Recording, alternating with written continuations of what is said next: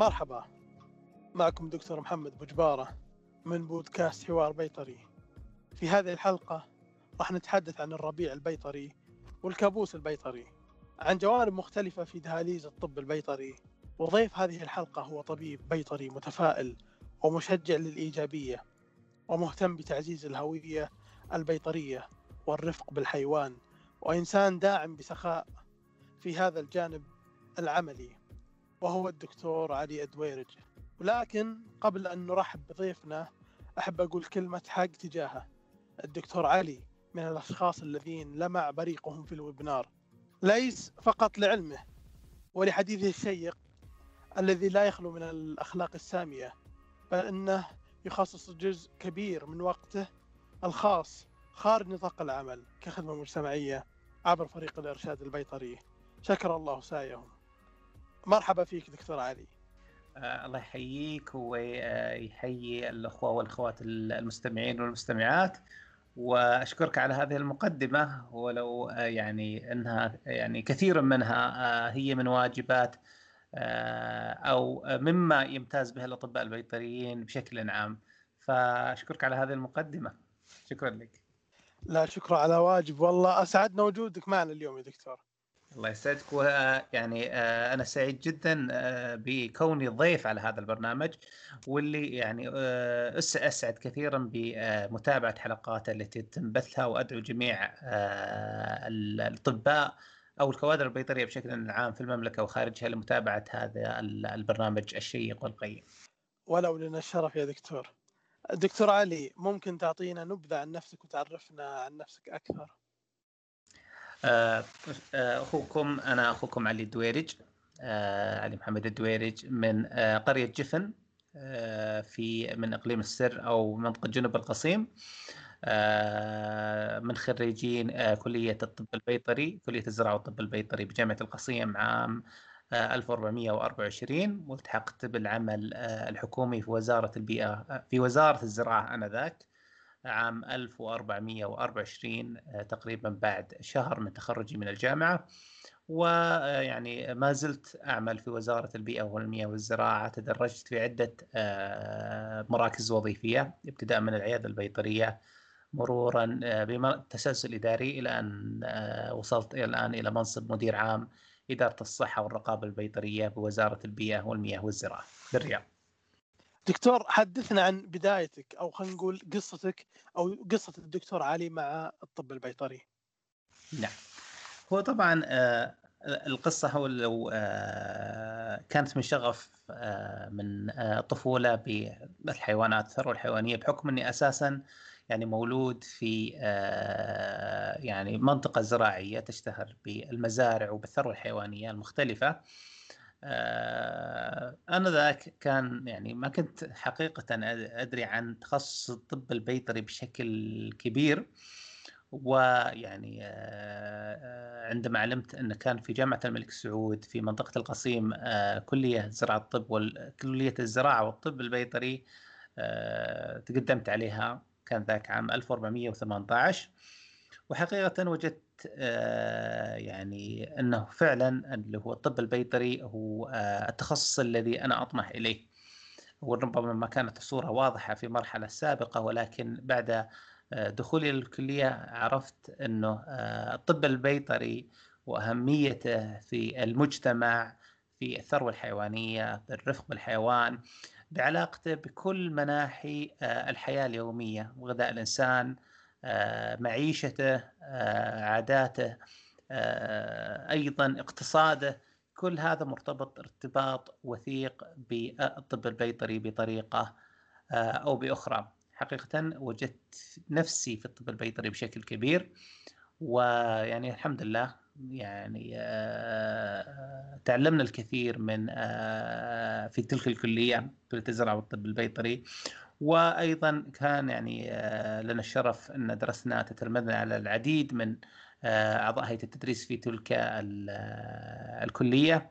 فلهم منا كل الشكر والتقدير ويعني الدعاء العميق بأن يوفقهم الله من بأن يحفظ أيضا من كان حيا منهم ويوفقهم لطاعته ويرحم من توفي منهم. ولكن حقيقة كان لهم أثر كبير في مسيرتنا المهنية وأيضا يعني زرع العديد من القيم في دواخل الطلاب لخدمة مهنتهم بشكل كبير. ف يعني الحيوان بشكل عام أو الثروة الحيوانية ربما أنها لم تحظى بكثير من الاهتمام. حتى يعني آونة الأوقات القريبة والآونة الأخيرة تم الاهتمام بها بشكل كبير أسعد كثيرا بتقدم الطب البيطري في المملكة العربية السعودية سواء خريجي جامعة القصيم أو خريجي جامعة الملك فيصل والذين أعتقد أنهم وضعوا بصمتهم بشكل أو بآخر كل فيما تخصصه في المملكة العربية السعودية. فأنا متفائل كثير بمستقبل المهنة بوجودكم دكتور ويعني هذا الكم المتزايد من الكوادر البيطرية في مناطق المملكة المختلفة. كلامك شهادة نفتخر فيها والله يا دكتور. الله يسعدك واقل مما تستحقون كلام. يعني دكتور ممكن نفهم من خلينا نقول البيئة أو المكان الذي ترعرعت فيه البيئة المحيطة فيك كانت أثرت على اختيارك للطب البيطري أو اختيارك الطب البيطري كتخصص حياتك كمهنتك صحيح ولا لا؟ نعم صحيح. يعني انك يعني تعيش في يعني آه بيئة يعني آه لدي يعني لديك تعامل مع الثروة الحيوانية أو الحيوانات بشكل عام سواء اللي هو القطط أو الكلاب أو أيضا آه اللي هو الثروة الحيوانية الأغنام الماعز الإبل الأبقار. يعني آه ما زلت في طفولتي أتذكر كيف كنا نحلب الأبقار كيف كنا نرعى الغنم. أيضا يعني نتعامل مع الثروة الحيوانية بطريقة أو بأخرى مع حتى يعني اللي حوالين الكائنات اللي حوالين القطط الكلاب. فجميع هذه العوامل يعني لعبت دور كبير في اختيار هذا التخصص. واعتقد أن هناك الكثير من الأشخاص لعبت هذه المقومات أو هذه المكونات يعني دور كبير في اختيارهم لمهنة الطب البيطري. ويعني أيضا ارتباطها في موضوع الرفق بالحيوان وإيمان ايمانهم العميق بأنهم صوت بسم الله صوت له من هذه الحيوانات. خاصة الحيوان يعني لا يعني لا لا يشكو بشكل واضح. فعلى الطبيب البيطري أن يبذل جهد لاكتشاف الألم ومعالجته. وهذه أعتقد أنها مهنة فريدة من نوعها. مقارنة بالمهن الأخرى الطبية أو الصحية التي ترتبط ارتباطا كبيرا بالشكوى من الإنسان. يعني أنه يشكو من ألم معين ولكن الحيوانات لا تشكو وعلى الجميع أنه يحس فيها وأنه يتخذ الإجراء المناسب للحالة. ف يعني ما دام أن في هالجزئية ذي الأطباء البيطريين افتخروا بمهنتكم فمهنتكم سامية بشكل كبير و يعني أتذكر أيام العمل الجامعي أو الدراسة في الجامعة كنت أشكو من نظرة المجتمع إلى الطب البيطري بان الطب بهايم. يعني يا طبيب البهايم يا طبيب البهايم. فأتذكر إني مع مجموعة من الزملاء عملنا مسرحية باسم طبيب البهايم. وكان كنت كتبتها أنا وشاركت في تمثيلها أيضا فكانت هذه المسرحية تتكلم عن دور الطبيب البيطري الفعلي إنه صحيح إنه طبيب حيوانات ولكن يرتبط بأشياء كثيرة في مناحي حياتنا تبتدئ من المزرعة ولا تنتهي إليه ولا تنتهي إلى المائدة. المائدة جزء منها ولكن أيضا صحة الإنسان الأمراض المهن الاقتصاد الاجتماع كل هذه النواحي يلعب الطب البيطري دورا مهما فيها كما أسلفت في بداية هذا اللقاء.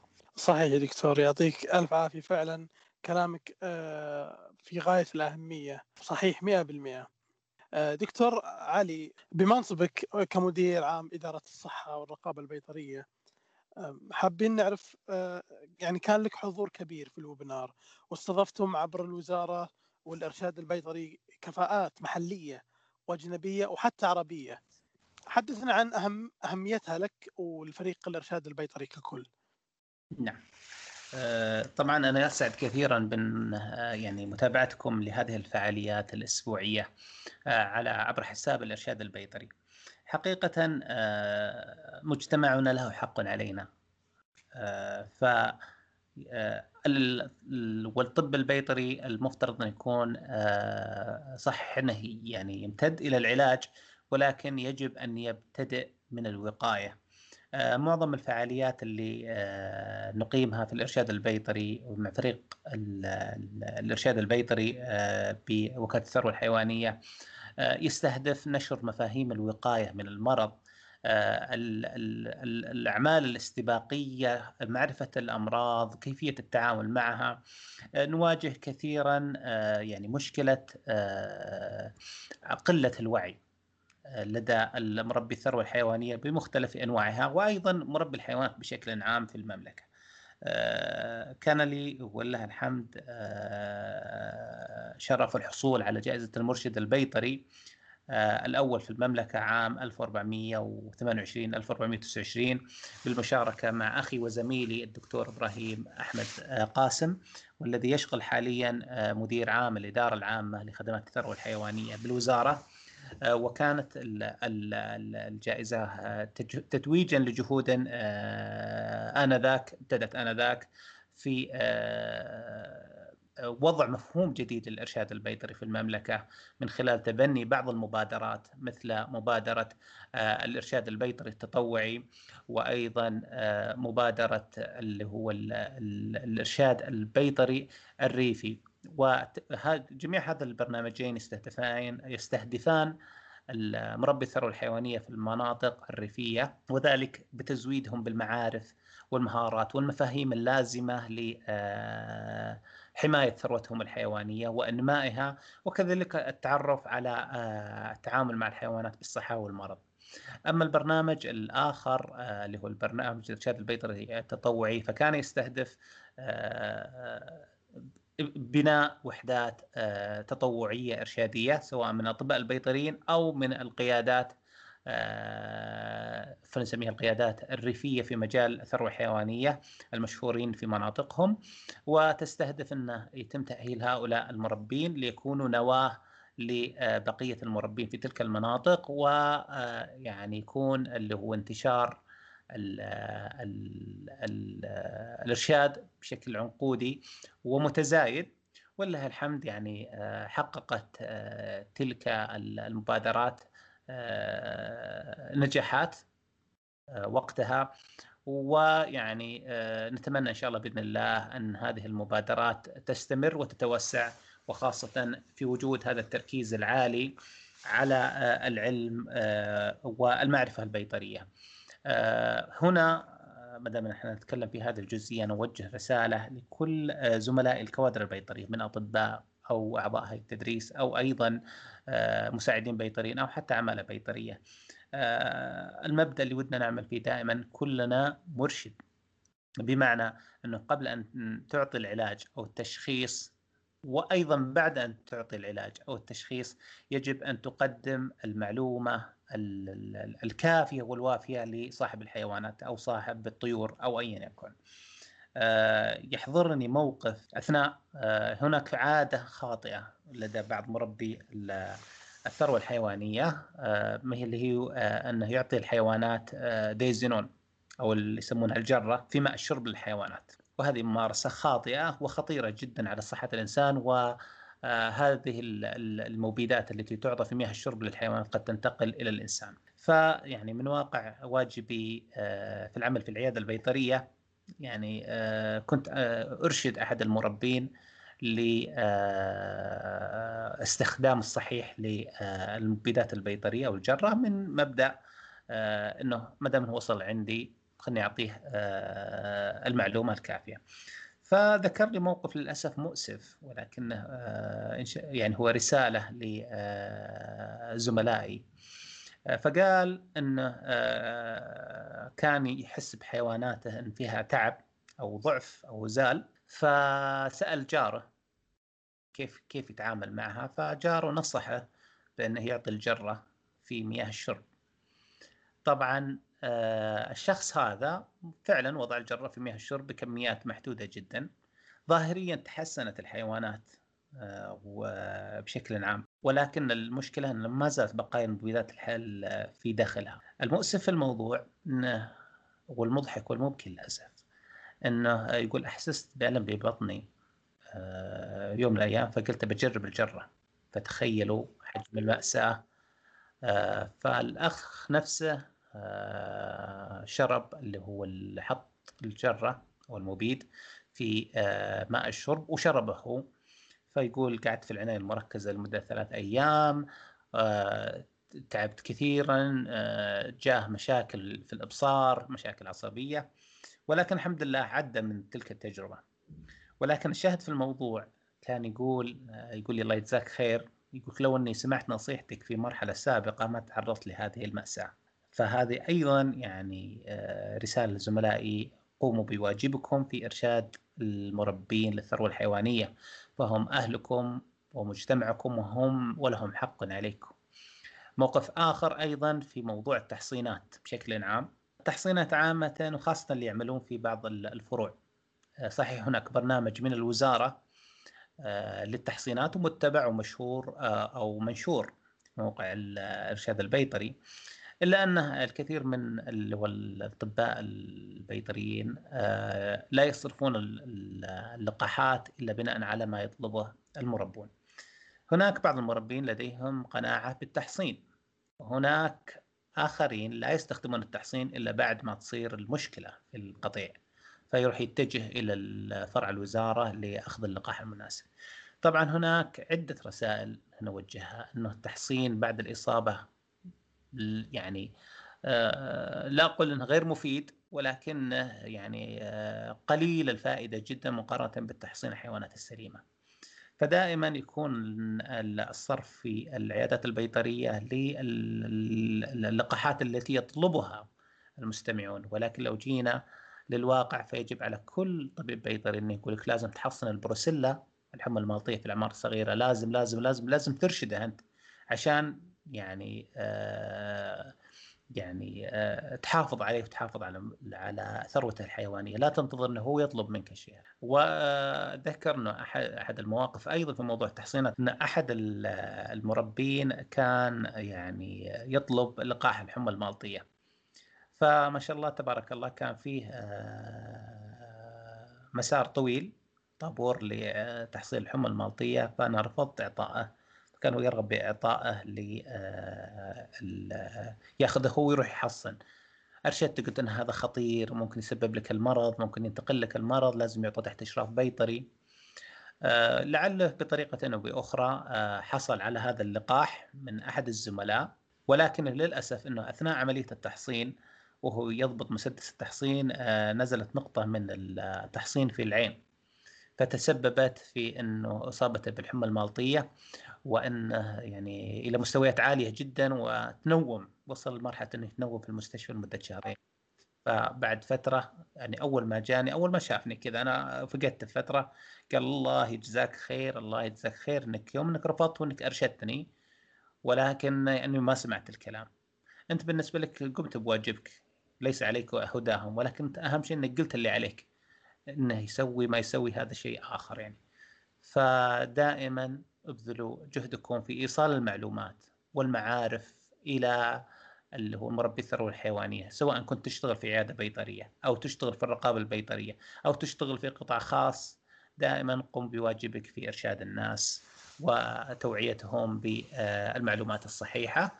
وهذه آه، سمها زكاة علمك اللي أعطاك إياه كلامك يعني غاية في الأهمية. هو للأسف بعض الناس تلجأ للنصيحة من شخص آه، خلينا نقول غير مؤهل علميا ما عنده آه، خلفية علمية عن إيش يتكلم. دائما نوصي بأخذ الإرشادات والمعلومات الصحية خصوصا الأشياء اللي فيها صحة وفيها سلامة عائلة خلينا نقول. ممكن هذا الشخص لو راح الافراد عائلته ممكن يعديهم. نعم صحيح. لازم ولا بد ان المجتمع يتوعى من هذه الناحية وهذا دورنا مثل ما تفضلت إن نوعي ونقول نعم. للجمهور أو للناس ال- المعلومة الصحيحة من المصدر الصحيح والمصدر موثوق من أشخاص مهنيين. صحيح صحيح طيب دكتور كيف يعني أنا بنتقل لنقطة ثانية كيف ممكن نعزز الهوية البيطرية للطبيب البيطري السعودي؟ شوف ال- الهوية البيطرية لازم تنبع من الطبيب البيطري نفسه ويعني آه، خلينا نقول من الكادر البيطري بنفسه سواء كان طبيب أو مساعد بيطري. يجب أنه يعني ينبع آه، اللي هو اعتزاز الطبيب البيطري بهويته وينعكس على سلوكه ينعكس على أدائه ينعكس على آه، اطلاعه ينعكس حتى أيضا على مظهره. آه، وله مجال مقارنة ولا انتقاص آه، من ال- ال- يجب أن الطبيب البيطري يعمل فعلا على ترسيخ دوره والنظرة المجتمعية له. من خلال آه، الاطلاع المستمر على المعلومات والمعارف في مجاله. وأيضا في المجالات الأخرى المرتبطة به مثل مجالات الصحة العامة مجالات اللي هو اقتصاديات الثروة الحيوانية. مجالات اللي هو ال- ال- الصحة الواحدة وعلاقتها بالإنسان والحيوان والبيئة. أيضا بالإلمام باللوائح والأنظمة ال- المحلية والعالمية. أيضا ينعكس ذلك على تعامله على دوره في مجتمعه سواء في عائلته أو مجتمع الأكبر فالأكبر فالأكبر وصولا يعني إلى وطنه. ويعني لو جينا للواقع أن الطبيب البيطري أيضا دوره يمتد إلى العالم ككل وليس آه، يعني إلى ال- الوطن لا حدود لعمله. دعونا نتكلم عن آه، العالم الآن أصبح قرية صغيرة من ناحية اللي هو العولمة أو سهولة الانتقال بين دول العالم. هذا يعني يضفي تحديات إضافية آه، على اللي هو الصحة العامة والإصحاح العام تخيل أنه مثلا إنفلونزا الطيور عام اللي يعني كانت أصابت المملكة عام 2017 كيف بدأت؟ بدأت في بريطانيا ثم بعدين في آه، إيران بعدين بعض الدول العربية العراق الكويت بعدين وصل إلى المملكة آه، عن طريق الطيور المهاجرة. آه، خلونا نترك اللي هو انفلونزا الطيور أيضا مرض كوفيد 19 آه، كان آه، كانت يعني ال- النظريات المطروحة أنه تطور من أحد ال- الكائنات الحية في آه، سوق آه، ووهان وانتقل إلى الإنسان ومن ثم ضرب العالم ككل وهو مرض مشترك بين الإنسان والحيوان. إذا كانت المشكلة أو كانت المشكلة من حيوان أو كانت ال- ال- ال- المشكلة في بيئة أو في الإنسان في الحياة الفطرية، الطبيب البيطري ممكن يقوم بدور كبير في القضاء على هذا المرض قبل انتشاره. دعونا نتخيل دعونا نتخيل إنه مرض كوفيد آه، لو آه، سلمنا بفرضية انتقاله من أحد ال- ال- الكائنات الفطرية الموجودة في السوق أو حتى في مركز الأبحاث حسب النظريات اختلفت النظريات في ذلك لو إنه آه، تم القضاء على هذا المرض تلك الفترة واكتشافه مبكرا والسيطره عليه في الكائنات الحية قبل انتقالها للبشر. هل سنعاني مثل ما عانينا هذا العام؟ آه، من إغلاق آه، دولي ومحلي ويعني مشاكل وتحديات اجتماعية واقتصادية وتقطع حركة النقل الدولي وتعطل السياحة وتعطل الأنشطة كثيرة اقتصادية. وما زلنا حتى الآن يعني آه، العالم يدفع فاتورة هذه الإصابة.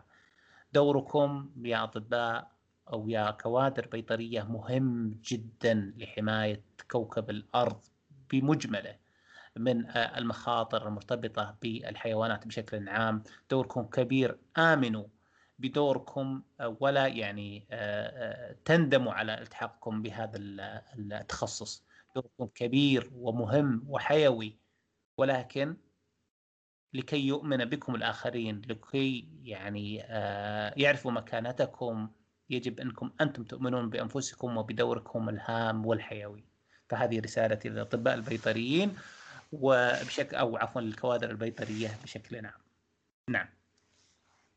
كلامك يا دكتور لا تشوبه شائبة. ويعني دكتور بالحديث عن انفلونزا الطيور وعن كوفيد 19 بالنسبة للكوفيد 19 دكتور نعم. آه، هل تم هل تم تسجيل حالات للكوفيد 19 في الحيوانات؟ خلينا نقول في المملكة إلى الآن لا توجد معلومات عن تسجيل إصابات في الحيوانات في المملكة. ولكن إذا قسنا على المرض بشكل عام هو سجل في بعض السلالات من القطط في العالم وأيضا في النمور وبعض الحيوانات الأخرى مثل حيوان المنك في الدنمارك. إضافة إلى أن عائلة الكورونا بشكل عام يعني تصيب العديد من العوائل. لنا في تجربة سارس عام 2000 أو 2002 وعلاقتها بقط الزباد وانتشارها حول العالم آنذاك. لدينا أيضا في تجربة كورونا ميرس اللي في المملكة العربية السعودية وانتقالها يعني من الإبل إلى الإنسان أو الفرضيات التي تحدثت عن إصابة الإبل أو دور الإبل في وبائية هذا المرض وصولا إلى مرض كوفيد. فيروس كوفيد فليس من المستبعد اللي هو إصابة الحيوانات فيه ولكن في المملكة العربية السعودية إلى الآن لم أقف على معلومة يعني تؤكد إصابة أحد الحيوانات بهذا الفيروس. طيب ممكن ممكن نرجع لموضوع انفلونزا الطيور. نعم. يعني الوزارة جالسة تبذل جهود جبارة لتصدي الاندلاعات إنفلونزا الطيور. بالإضافة يعني في إلى اليوم إلى اليوم في اقامات الورش عمل مكثفة بشكل دوري عشان مقاومة انفلونزا الطيور والتوعية منه والإرشاد البيطري. نعم. ممكن يا دكتور تكلمنا عن خلينا نقول النظام الصحي البيطري أو كيف ممكن نتعامل مع انفلونزا الطيور؟ طبعا مرض انفلونزا الطيور ولله الحمد كان لنا في المملكة العربية السعودية تجربة رائعة في عام 2007 2008 مع إنفلونزا الطيور على الذروه ال H5N1 فيعني استطعنا القضاء على هذا المرض آنذاك ب يعني حزمة من الإجراءات التي وصفت بالمتشددة ولكنها كانت فعالة جدا في القضاء على المرض وبؤره المرض. والتي يعني تتركز أي أو يعني تتمحور حول تحجيم بؤر المرض وأيضا وضع الأولوية لصحة الإنسان.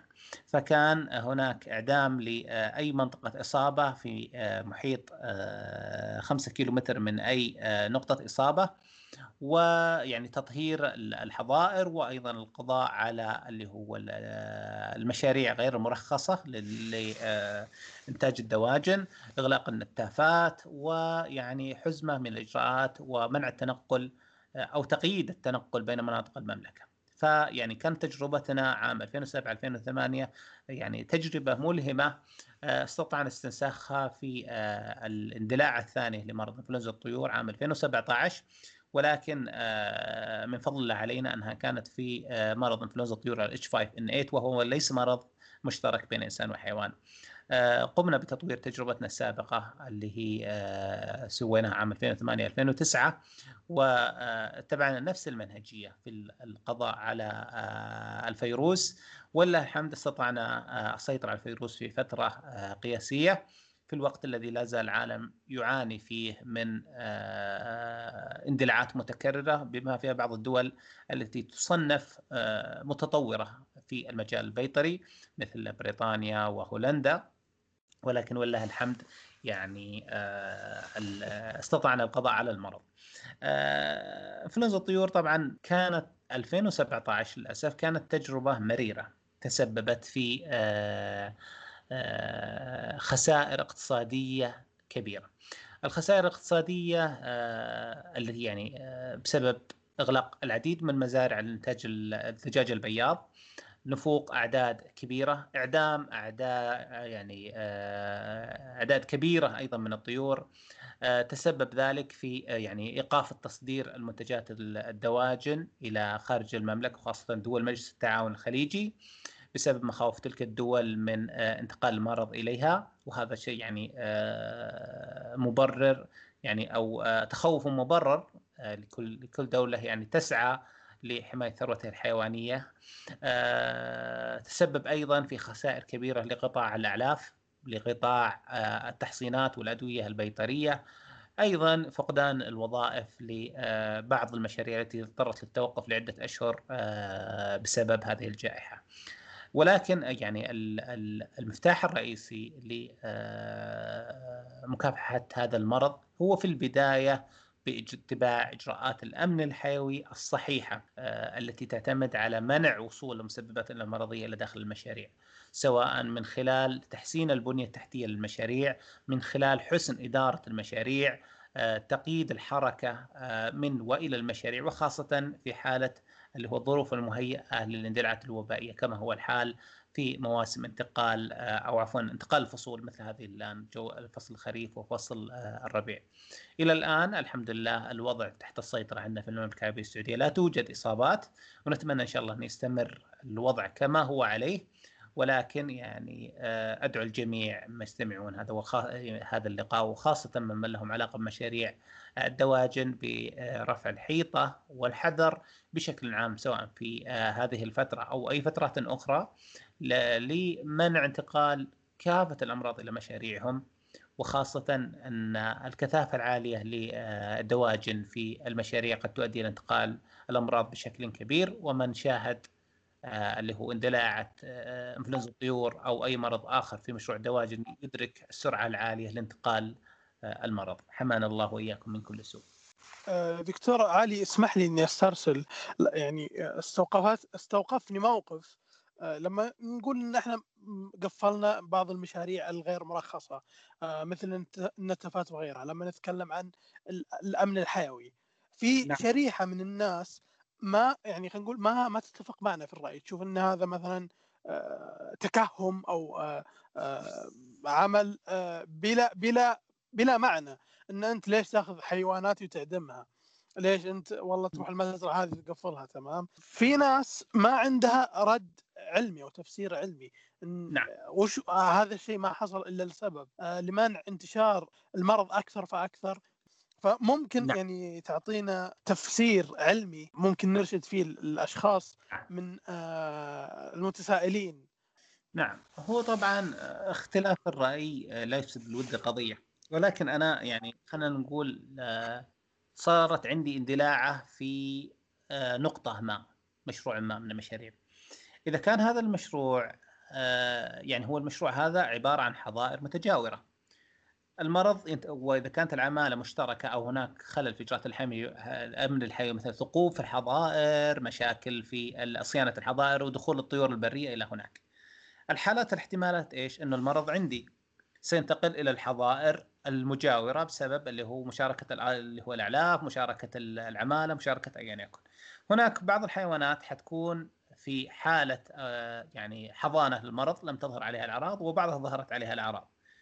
الآن أنا لا في مثل هذا الوباء أو مثل هذا لن أنتقي آه، إن هذه والله سليمة وهذه مريضة هذه بروح أوديها مثلا للعناية المركزة أو مثلا هناك مرض سيظهر عاجلا أو اجلا في هذا المشروع. فيعني كان هذا هو سبب اللي هو اتخاذ الإجراء الحازم في المشروع نفسه. خلنا الآن أشارككم معلومة أخرى مهمة وتهم كثير من المشاريع. من دراساتنا لاندلاعات انفلونزا الطيور الاتش 5 ان 8 اكتشفنا أن الحمام وبعض الطيور البرية تنقل الفيروس يعني آه، من آه، في دائرة معينة بدون ما تظهر عليها أي أعراض، يعني هي سليمة طيبة ما فيها أي مشكلة يعني تم اصطيادها اصطياد طبيعي واخذنا منها مسحات واكتشفنا فيها الفيروس فهذه تروح لمنطقة أخرى أو المشروع آخر وخاصة في دائرة الخمسة كيلو لأن هذا مدى الطيران حقها تنقل اللي هو الفيروس إلى المناطق الأخرى وتسبب في إصابات يعني آه، مستمرة لهذا المرض وخاصة في التربية الريفية. المؤسف إنه آه، بعض الأصوات اللي هو المعارضة لموضوع الإعدامات رغم إن الدولة تصرف تعويضات يعني مو أي حيوان أو طير يعدم الدولة حفظها الله تدفع تعويضات لحرص الدولة على حماية الثروة الحيوانية من مخاطر الأمراض. يعني بعضهم لا يتجاوبون مع فرق البيطرية بشكل كافي، آه، لا يقوم بإيضاح إن عندهم حيوانات أو طيور أو ما شابه.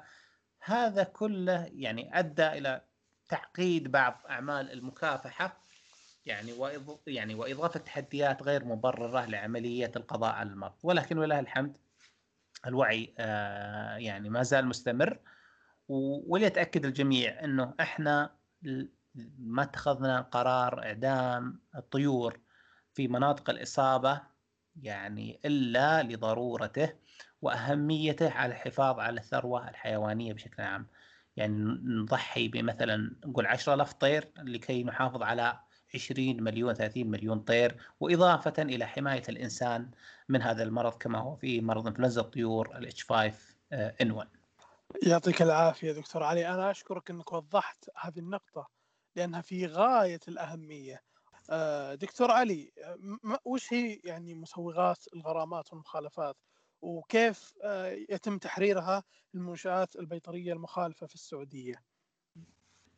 طبعا آه، يعني وزارة البيئة والمياه والزراعة هي مسؤولة عن تطبيق عدد من الأنظمة اللي هي نظام الثروة الحيوانية صادر عام 1424 ونظام مزاولة المهن الطبية البيطرية لدول مجلس التعاون لدول الخليج العربية ونظام الرفق بالحيوان لدول مجلس التعاون لدول الخليج العربية ونظام الحجر البيطري يعني لدول مجلس التعاون لدول الخليج العربية. آه، نظام المهن الطبية البيطرية واللي يعنى بمهنة الطب البيطري بشكل عام ونظام الرفق بالحيوان اللي يتكلم عن رفق الحيوان صدر عام 1434 بينما نظام الحجر البيطري صدر عام آه، إذا لم تخن الذاكرة عام 1426 طبعا جميع هذه الأنظمة آه، الوزارة مسؤولة عن تطبيقها على جميع المنشآت والأفراد في المملكة العربية السعودية.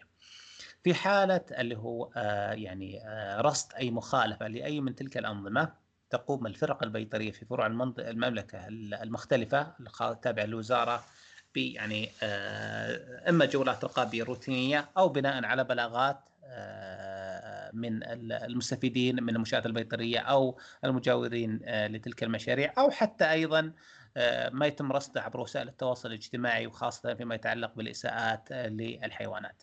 وتقوم هذه الفرق أو الأفراد المراقبين البيطريين بتحرير محضر ضبط مخالفة ويتم الرفع فيه إلى الوزارة ويعرض على لجنة اسمها لجنة النظر في مخالفة أنظمة الثروة الحيوانية والمهن الطبية والرفق بالحيوان لدراسة آه، اللي هو محضر المخالفة وأيضا الوثائق الداعمة صور مقاطع آه، ايا يكن وإقرار العقوبة آه، اللازمة. في نظام الثروة الحيوانية قد تصل غرامة إلى مليون ريال والسجن لمدة لا تزيد عن خمس سنوات بينما يعني بقية الأنظمة الأخرى غرامات مالية إضافة إلى التشهير الغرامات المالية قد تصل إلى يعني خمسين ألف المرة الواحدة وقد تتضاعف لتصل إلى أكثر من 400 ألف خلال العام الواحد وتتعدد بتعدد آه، المخالفات. ولكن يعني آه، بشكل عام يعني هذه الأنظمة اللي تقوم فيها الوزارة يتم إقرارها. بعد ما تصدر اللي هو العقوبة على الشخص المخالف له يعني آه، حقية الاعتراض على تلك المخالفة لديوان المظالم. لدينا يعني ولله الحمد نظام عدلي متفوق في المملكة العربية السعودية. فيعني إذا كان يرى الشخص المخالف إنه آه لم يتم اتخاذ الإجراءات الكافية بحقه أو إن هذه العقوبة غير مبررة وغير منصفة له يعني اللي هو آه تقدم إلى ديوان المظالم للاعتراض عليها. وستقوم الوزارة بالدفاع عن هذه العقوبة.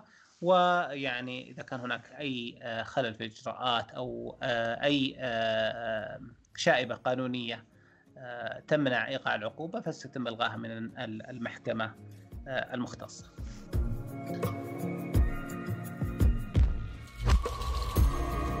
دكتور علي الصحة والسلامة المهنية جزء ما ينجزء من أي مهنة. نعم. بس حابين نعرف أكثر عن الصحة والسلامة المهنية في الطب البيطري وش هي آلية تطبيقها؟ نعم هي الصحة والسلامة المهنية خلينا نجملها بشكل عام بكيفية اللي هو أن الإنسان يعمل أو الطبيب البيطري أو المساعد البيطري يعمل بطريقة آمنة في بيئة آمنة ليقدم خدمة آمنة من الأشياء اللي يعني آه للأسف أنه آه نواجهها في الطب البيطري ويعني خلينا نتكلم عن أنت كطبيب بيطري وكمساعد بيطري دورك مهم وكبير. وأنا أعرف أنك إذا جيت تولد ناقة أو تولد بقرة أو حتى تسوي عملية جراحية تركيزك راح ينصب بشكل كبير على إنقاذ الحالة اللي معك أو معالجتها. ولكن أنا ودي يعني أهمس همسة في إذن أي واحد زي كذا آه، إنه يجب إنك تحمي نفسك قبل ما تسوي أي شيء آخر. بمعنى إذا ما صار عندك جلفز على سبيل المثال لا تشتغل. لأنك في النهاية أنت بتنتقل لك المرض وممكن يعني آه تتسبب لنفسك بمرض ولعائلتك بمرض. إذا كانت ما لديك أدوات الحماية المهنية والسلامة المهنية في مكان العمل سواء مثلا على سبيل المثال خلينا نتكلم في حالة التوليد. إذا ما عندك قفص طويل إذا ما كان عندك كمامة إذا ما كان عندك نظارة امتنع عن أداء هذه الحالة. أنا عارف إن الموضوع إنساني وإنك ودك تساعد الحيوان وتقدم انسانيه ولكن للأسف وأنا وأنا أحد أحد الأشخاص اللي يعني آه، وقعوا في مثل هذه الأشياء يعني كنت أولد حالة ناقة ويعني ما اتخذت الإجراءات الكافية ولا خاصة إنها كان في التفاف الرقبه فتسهلت في الإجراءات الوقائية فأنصبت بالحمى المالطية آه، آه، بسبب اللي هو التوليد وقعدت تقريبا ثلاث أو أربع أسابيع أخذ مضادات حيوية بطريقة أو بأخرى. أيضا آه، كانت لي حالة أخرى وانتقل لي أحد الأمراض بعد التعامل مع آه، حالة إجهاض في الإبل وكنت أجمع عينات آه، بشكل كبير ومتحمس وأهم شيء إني أخلص عملي وانجز ولكني ما اتخذت الإجراءات الكافية للحمايه من المرض وأعتقد أن انتقل لي أحد الأمراض المشتركة بينها ولكن لم يتم تاكيدها مخبريا فيعني ما ودي أقول معلومة ماني متأكد منها ولكن يعني ثبت وجوده في الإبل آنذاك. هذه اللي يجب إنه أنت تتقيد فيها يا طبيب أو مساعد بيطري أو ايا كنت. احمي نفسك. أنت مهم. أنت غالي علينا. احمي نفسك آه، من الأمراض والمخاطر كلها. اتخذ الإجراءات الوقائية الكافية لحماية نفسك من انتقال المرض. أحيانا المرض وخلينا نقول على مرض اللي هو الميرس. الميرس آه، يعني آه، بعض الأشخاص ممكن ينتقل لهم.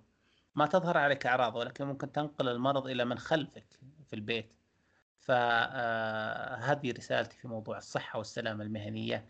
يجب اتباع جميع اللي هو الأعمال أو الاحتياطات الكافية لحماية نفسك من المرض وحماية من تحب وأيضا دائما آه، اعمل في مكان آمن آه، من الإصابات الميكانيكية من الإصابات الفيزيائية من عضات اللي هو الحيوانات.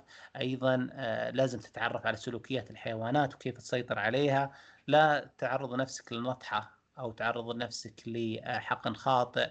دائما تعلم كيف تتدارك مثل هذه الأشياء على أساس إنه ما تتطور وتسبب لك مشاكل صحية قد يصعب علاجها أو لا قدر الله تتسبب في يعني مشاكل صحية خطيرة لك. وعشان تستمر أيضا في العطاء أنت الآن أوكي تبي تضحي آه، على أساس إنك تولد حيوان معين ولكنك إذا ما اتخذت الإجراءات الكافية ممكن تتعطل عن العمل لمدة شهر شهرين حسب الإصابة اللي تجيك.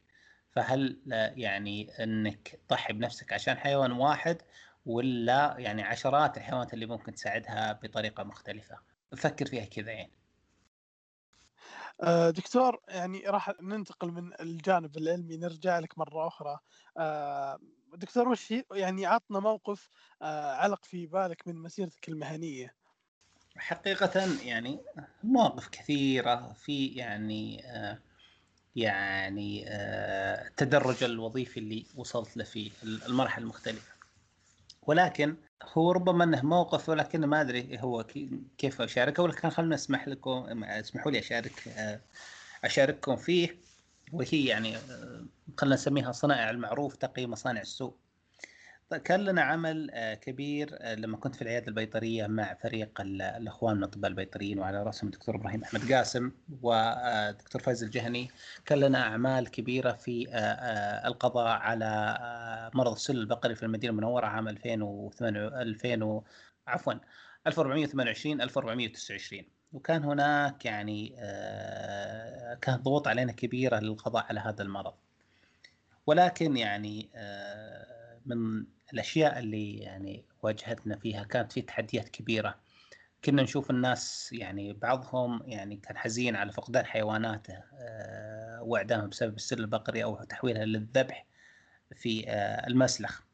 ولكن عندما استحضر يعني إنه مثلا المدينة المنورة هي البلد اللي يفد اليه الناس آه، من كل أنحاء العالم ومن حقهم الحصول على منتجات حيوانية يعني آمنة من هذا كان أنا وزملائي جميعنا كان يعني آه، يعطينا دافع أكبر للقضاء على هذا المرض.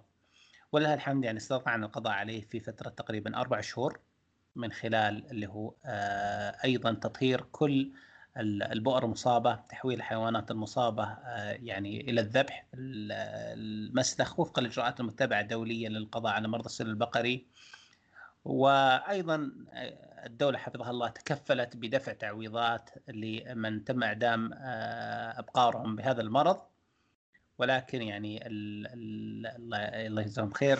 ويعني كان الزملاء يدعون الله كثير انه تفرج على آه، أصحاب الأبقار اللي هو هذه الأزمة وانه يخلصنا من آه، مرض السل البقري.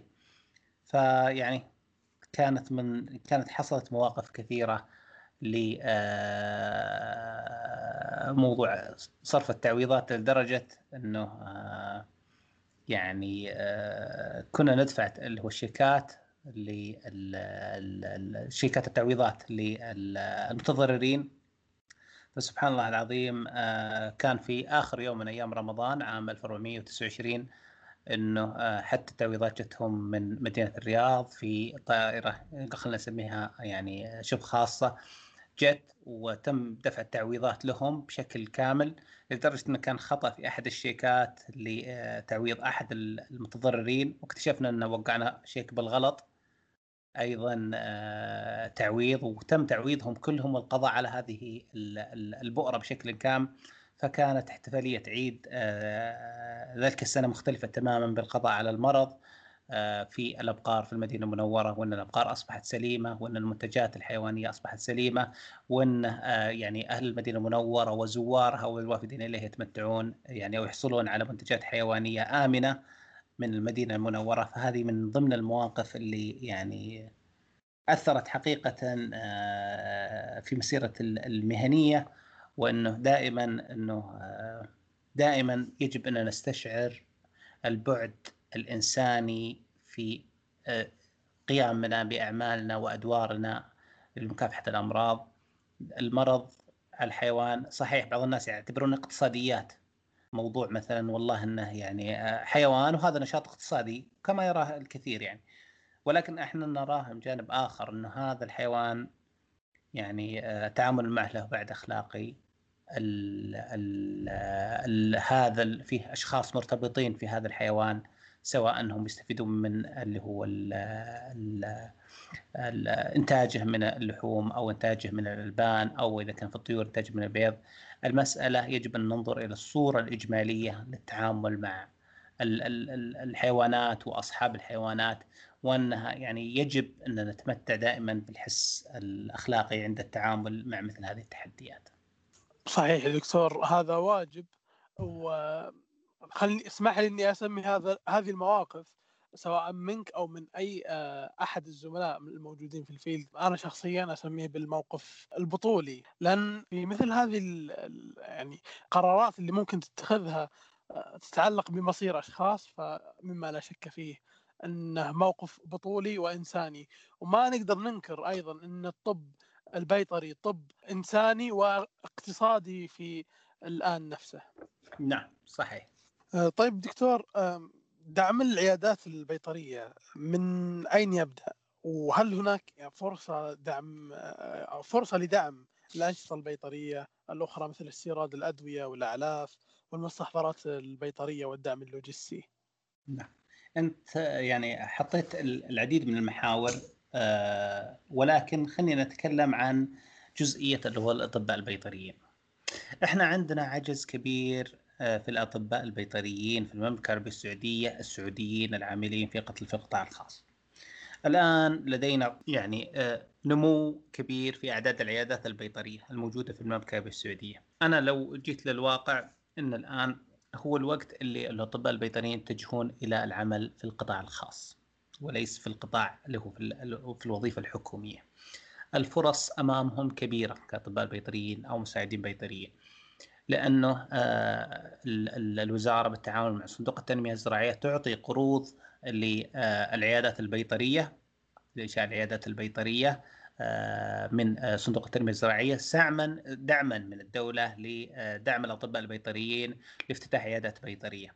لدينا نسبة كبيرة ومع احترامي لجميع الموجودين في المملكة العربيه السعوديه من مقيمين آه، ساهموا بشكل كبير في تطوير يعني مهنة الطب البيطري في المملكة من أعضاء هيئة التدريس من عاملين في المشاريع في المنشآت في العيادات البيطرية في المصانع. ولكن يعني كما يعلم الجميع في النهاية يعني آه، البلد يخدمه أبناء البلد. فيعني أتمنى من الاطباء البيطريين التوجه إلى العمل الخاص الاستثمار في العيادات البيطرية تقديم الخدمات البيطرية.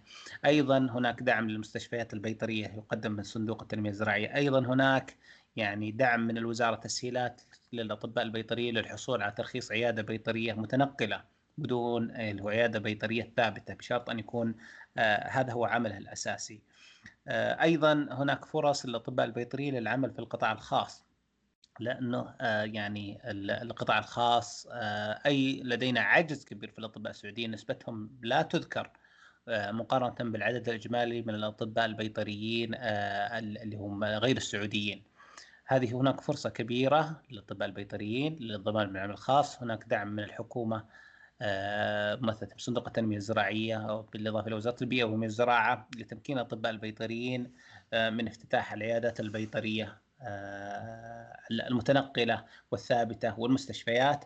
أيضا هناك دعم يعني يقدم من اللي هو صندوق التنمية الزراعية للمستثمرين في مجال استيراد الأعلاف بشكل كبير. استيراد الأدوية والمستحضرات البيطرية أدعو يعني الجميع الاستثمار في هذا المجال. لدينا عجز كبير في المستحضرات البيطرية وخاصة في موضوع اللقاحات هناك فرصة استثمارية للعمل في هذا المجال آه، أو الراغبين للاستثمار في هذا المجال استيراد اللقاحات البيطرية أو أيضا تصنيعها في المملكة العربية السعودية وستقوم اللي هو الوزارة ب يعني آه، بالتعاون مع الهيئة العامة للغذاء والدواء يعني ب يعني تسهيل آه، تسجيل تلك المستحضرات متى ما استوفت.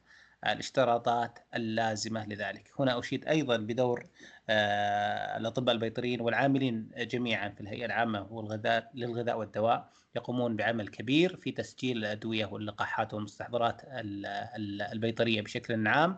آه، لدينا يعني الهيئة من المراكز الرائدة في منطقة الشرق الأوسط آه، في تسجيل في تطبيقها لمعايير تسجيل المستحضرات البيطرية الأدوية التي تحصل على التسجيل آه، في الهيئة ويتم تداولها في المملكة يعني استوفت العديد من المراحل التي أثبتت كفاءتها ومأمونيتها وسلامتها للاستخدام في المملكة العربية السعودية.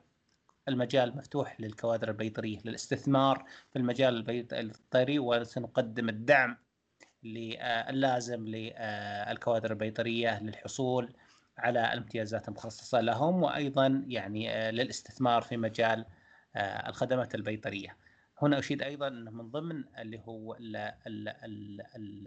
المبادرات اللي تقوم فيها الوزارة آه، مبادرة تحسين الخدمات البيطرية الخاصة والعامة لتصل إلى 80% آه، وطبعا المعايير التي يتم اتباعها هي الحصول على خدمة فعلا جيدة. للأسف الآن النظام الصحي البيطري عندنا في المملكة وخاصة في قطاع الماشية أو القطاع الريفي بشكل عام يعتمد بشكل كبير على الصيدليات البيطرية.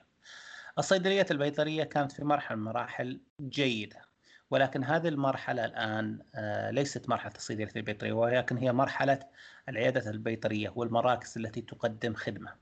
لو جينا للواقع الصيدليات البيطرية هي تقدم منتج بمعنى أنه أنا لو أروح لل... واسمحوا لي على التعبير ولكن هذا هو لو تروح للبقالة وتطلب بيبسي يعطيك بيبسي بس لو تروح للصيدليه البيطرية وتطلب بنسلين يعطيك بنسلين. هنا يعني ما قدم لك خدمة اعطاك ما تراه طبعا هذا يعني آه، له آثاره على موضوع اللي هو الصحة العامة على موضوع الجراثيم المقاومة للمضادات الحيوية على موضوع أيضا اللي هو الهدر المستحضرات البيطرية بشكل عام.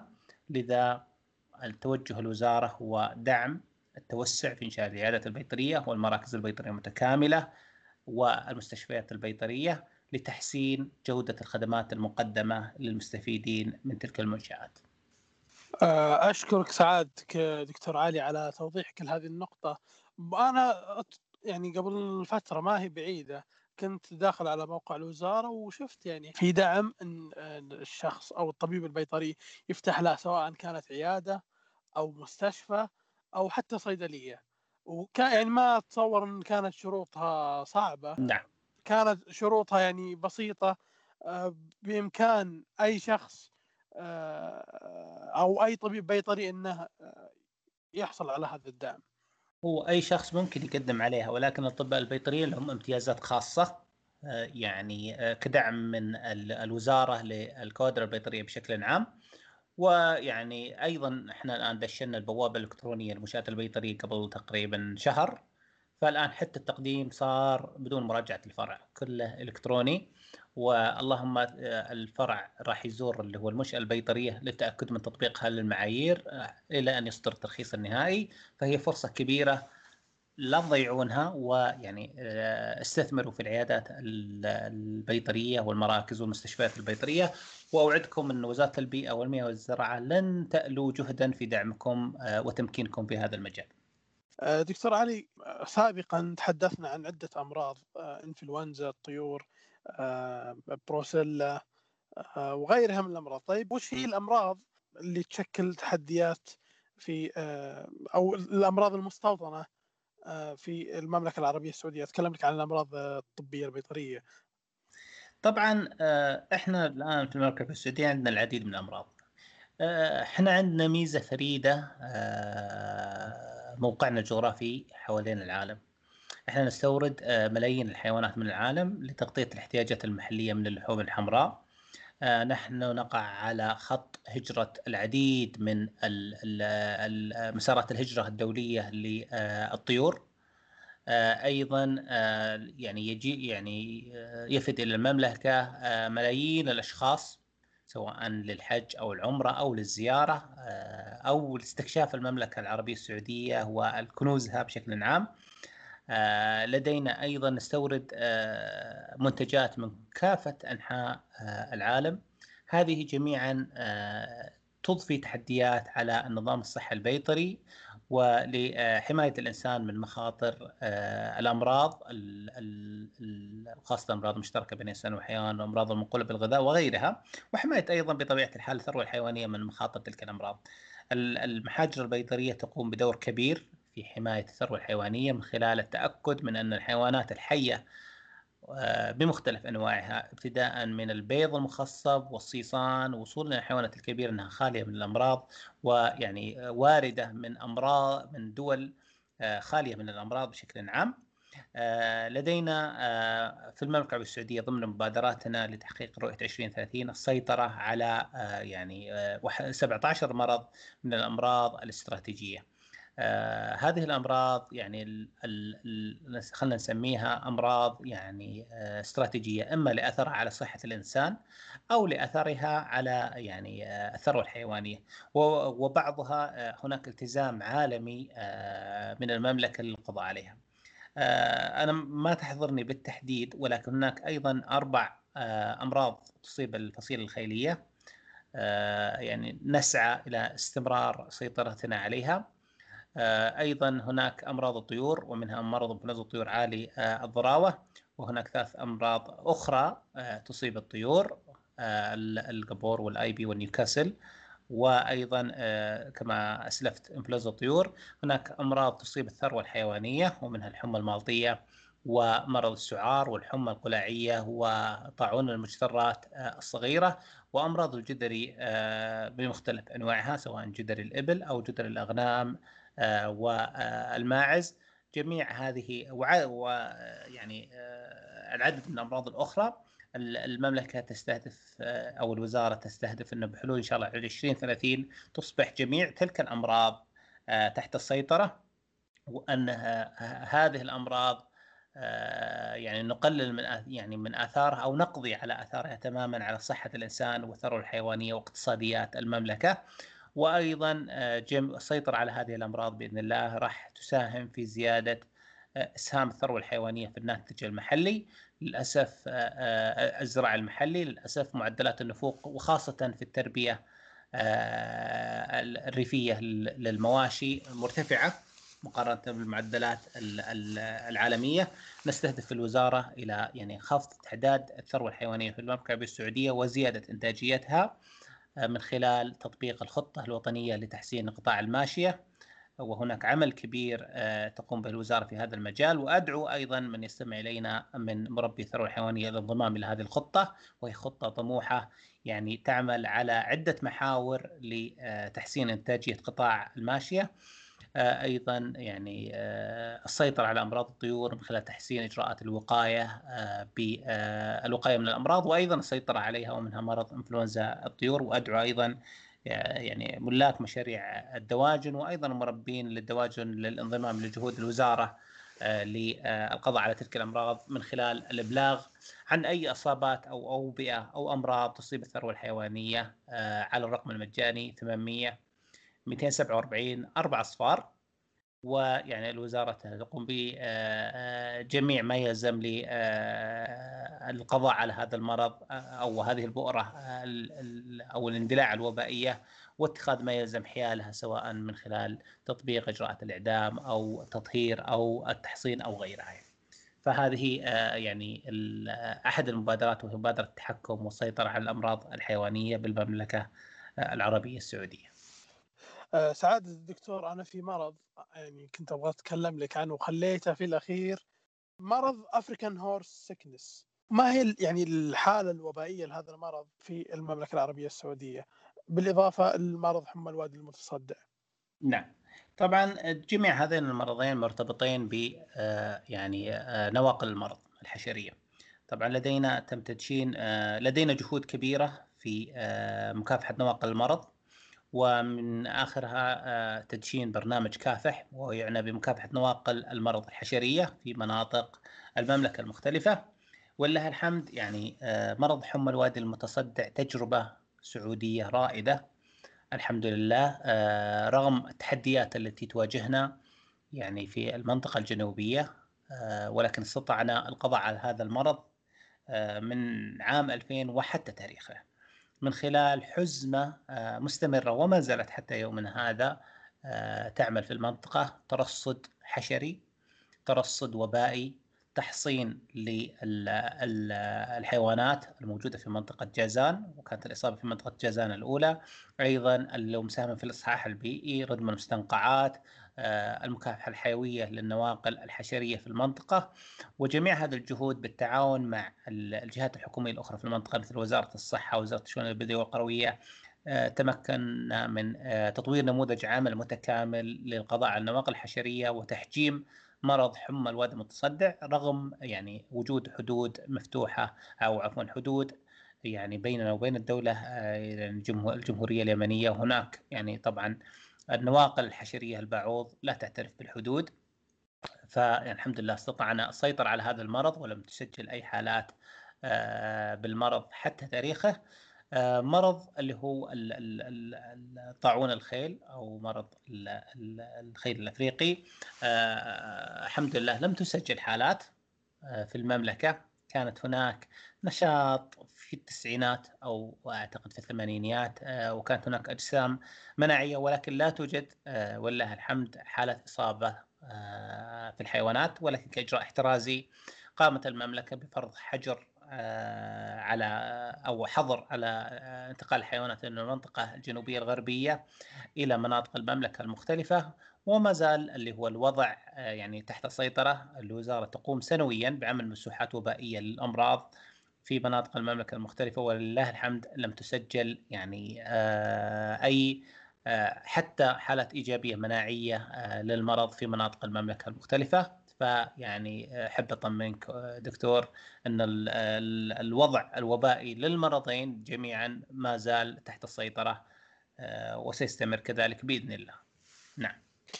بإذن الله تعالى والحمد لله يعني هالخبر أو هالمعلومة كنت أحتاج أسمعها من شخص مختص وذو خبرة. دكتور علي وش هي أحب المهام اليومية اللي تقوم فيها في عملك؟ والله المهام اليومية بشكل عام لعله اللي هو تبادل المعلومات مع الزملاء آه، الشخص مهما يعني آه، وصل من يعني مرحلة من العلم أو مرحلة حتى من اللي هو العمل الإداري أو ما شابه ما زال يحتاج إلى العلم آه، والتعلم. أحب أن أناقش الزملاء عن آخر مستجدات الأمراض، آخر معلومات موجودة لديهم عن الأمراض في العالم. آه، إذا كانوا قرأوا أي شيء عن اللي هو الأمراض نستفيد منهم ونتعلم آه، من آه، بعض باستمرار. هذه أيضا يعني دعوة للجميع إنه كما قلت لازم تقرأ دائما لازم تثقف نفسك دائما لازم تستفيد من تجارب غيرك وأيضا من معلوماتهم. بشكل مستمر. لا تتوقف عن التعلم سواء كان تعلم مهارات أو تعلم معارف. مهما وصلت من مرحلة استمر في القراءة لأن القراءة هي اللي راح آه، يعني تمكنك أكثر وأكثر. استمر بالاستفادة من تجارب الآخرين. آه، طور نفسك باستمرار لأن هذه آه، من الأشياء اللي بتساعدك. وأيضا دائما وابدا احتفظ بعلاقات جيدة مع الجميع.